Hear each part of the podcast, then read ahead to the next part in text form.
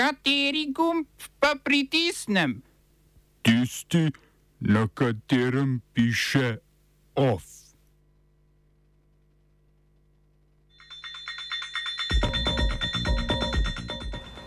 Zaradi stavke delavcev nemške Lufthansa odpovedanih več kot tisoč letov.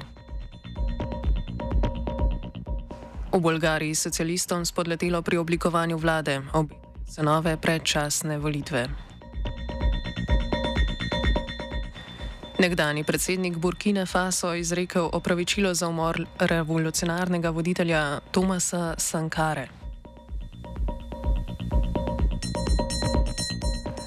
Darko Muženič spet na čelu nacionalnega preiskovalnega urada.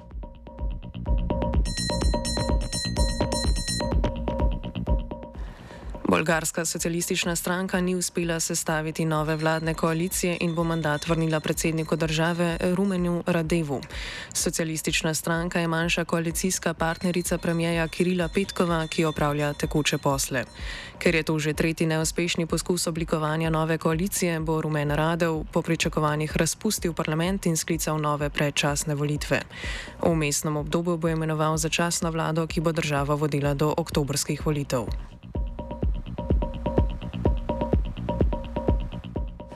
Letalsko osebje največjega nemškega letalskega ponudnika Lufthansa je pričelo stavkati. Delavci zahtevajo 9,5 odstotno zvišanje plač za približno 20 tisoč zaposlenih. Lufthansa je delavcem ponudila povišanje za 150 evrov mesečno do konca tega leta, dodatnih 100 evrov od začetka leta 2023 ter 2 odstotno povišanje plač sredi istega leta. Organizatorji stavke iz sindikata Verdi so, Verdi so ponudbo zavrnili, čež da ne zadostuje za izravnavo naraščajoče stopnje inflacije. Zaradi stavke je bila Lufthansa prisiljena odpovedati več kot tisoč letov iz svojih vozlišč v Frankfurtu in Münchnu, odpovedani pa so bili tudi vsi leti te letalske družbe z Brnika.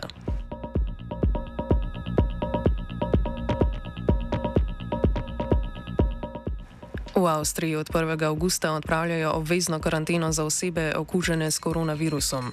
Tisti s pozitivnim testom, ki se ne bodo počutili bolni, se bodo lahko prosto gibali, a bodo pri tem morali nositi zaščitno masko tipa FFP2. Kljub temu bodo za osebe s pozitivnim testom veljale nekatere omejitve. Prepovedanim bo vstop v bolniške ustanove, domove za starejše, vrtce in šole. V službo bodo okuženi sicer lahko prihajali tudi, če delajo v eni od omenjenih ustanov, a bodo pri tem morali nositi zaščitno masko.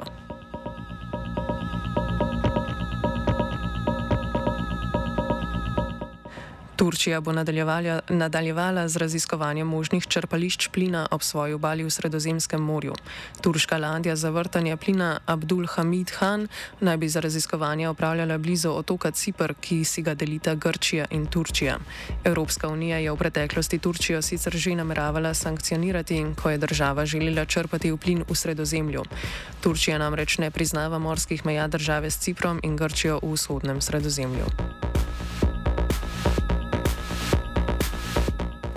Združeni narodi, Turčija, Rusija in Ukrajina v Istanbulu odpirajo centr za nadzor in poveljevanje, katerega glavna naloga bo usklanjevanje izvoza žita po Črnem morju. Dogovor o centru je bil sklenjen v okviru sporazumov o izvozu žita iz ukrajinskih pristanišč ob Črnem morju, ki sta jo Rusija in Ukrajina podpisali pretekli teden. Obe državi sta se zavezali, da ne bosta napadali ladij, ki bodo prevažale žito. V centru bodo sodelovali člani vseh štirih podpisnic, pregledovanje tovora na ladjah pa bo pod podrobneje opravljala Turčija, ki bo skrbela, da ne bo prišlo do skritega transporta orožja.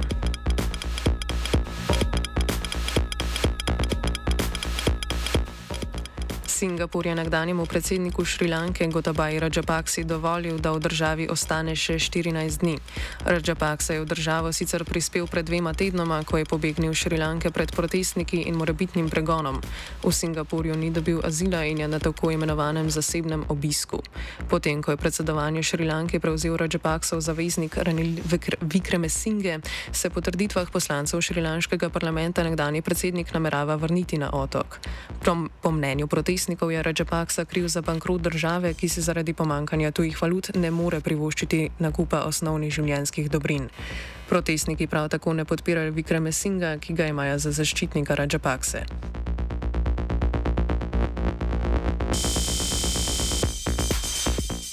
Nekdani predsednik Burkine Faso Blaise Compaoré se je opravičil družini svojega pokojnega predhodnika Tomasa Sankare. Compaoré je dejal: Ljudi Burkine Faso, še posebej družino svojega brata in prijatelja Tomasa Sankare, prosim za odpuščanje za vsa dejanja, ki sem jih morda zagrešil v času svojega mandata. Aprila je sodišče Compaoreja spoznalo za sokrivega umora revolucionarnega voditelja Sankare, ki se je zgodil v državnem udaru leta 1987, a nekdani predsednik zanika krivdo.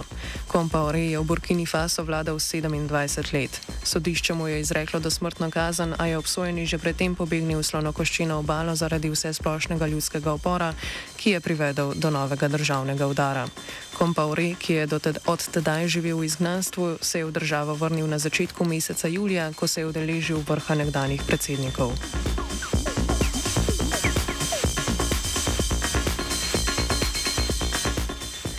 V Demokratični republiki Kongo že več dni potekajo protesti proti mirovni misiji Združenih narodov, imenovani MONUSCO. Danes pa so terjali tudi prve smrtne žrtve. Ubiti so bili trije pripadniki mirovnih sil in najmanj 12 protestnikov. Protestne množice so zajele mesta po vsej državi in udrle na več baz MONUSCO. Protestniki mirovni misiji očitajo, da ni storila dovolj za ustavitev napadov oboroženih skupin, ki v regiji trajajo že desetletja.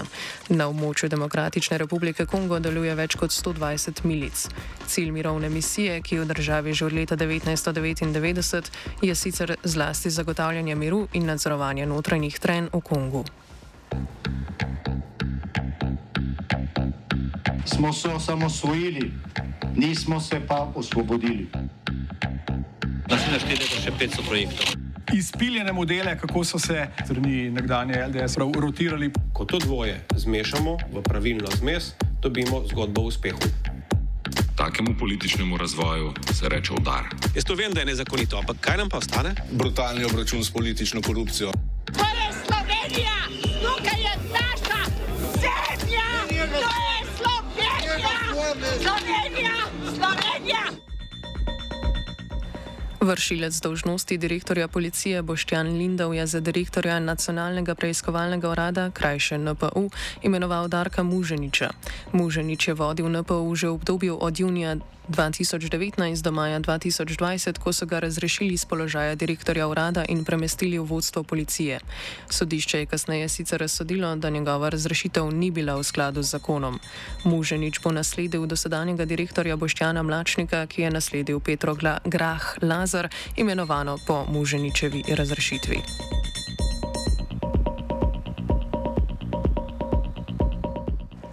Skupina zdravnikov zdravstva.si ocenjuje, da je odprava novele zakona o javnem naročanju prek nedavno sprejetega interventnega zakona o zdravstvu pot k korupciji. Med člani skupine je tudi kardiolog Marko Noč, s čigar komplimenti v preteklosti pri slovenski demokratski stranki niso skoparili. Novela zakona o javnem naročanju je bila sprejeta januarja, pomeni pa prvi korak k približevanju cen medicinskih pripomočkov in materijalov cenam v razvitih državah članicah Evropske unije, menijo v skupini. Na Ministrstvu za zdravje so kot razlog za odpravo novele navedli, da je ta vsebovala neskladja s pravnim redom Evropske unije. Pojasnili so, da se medicinski pripomočki nabavljajo na različne načine. Referenčnih cen, kot so navedene v odpravljeni noveli, pa ni mogoče uporabiti. Po mnenju ministrstva bi bilo treba najprej opredeliti enakovrednost medicinskih pripomočkov, ki bi lahko konkurirali za posamezno javno naročilo. Novela je uvedla novo izjemo, po kateri bi bilo mogoče izvesti postopek s pogajanji brez predhodne objave. To je v nasprotju z direktivo EU, na kar je opozorila tudi Komisija za preprečevanje korupcije. Skupina zdravstva Pikasi je dodala, da so pričakovali popravo neskladi, nikakor pa ne odprave novele.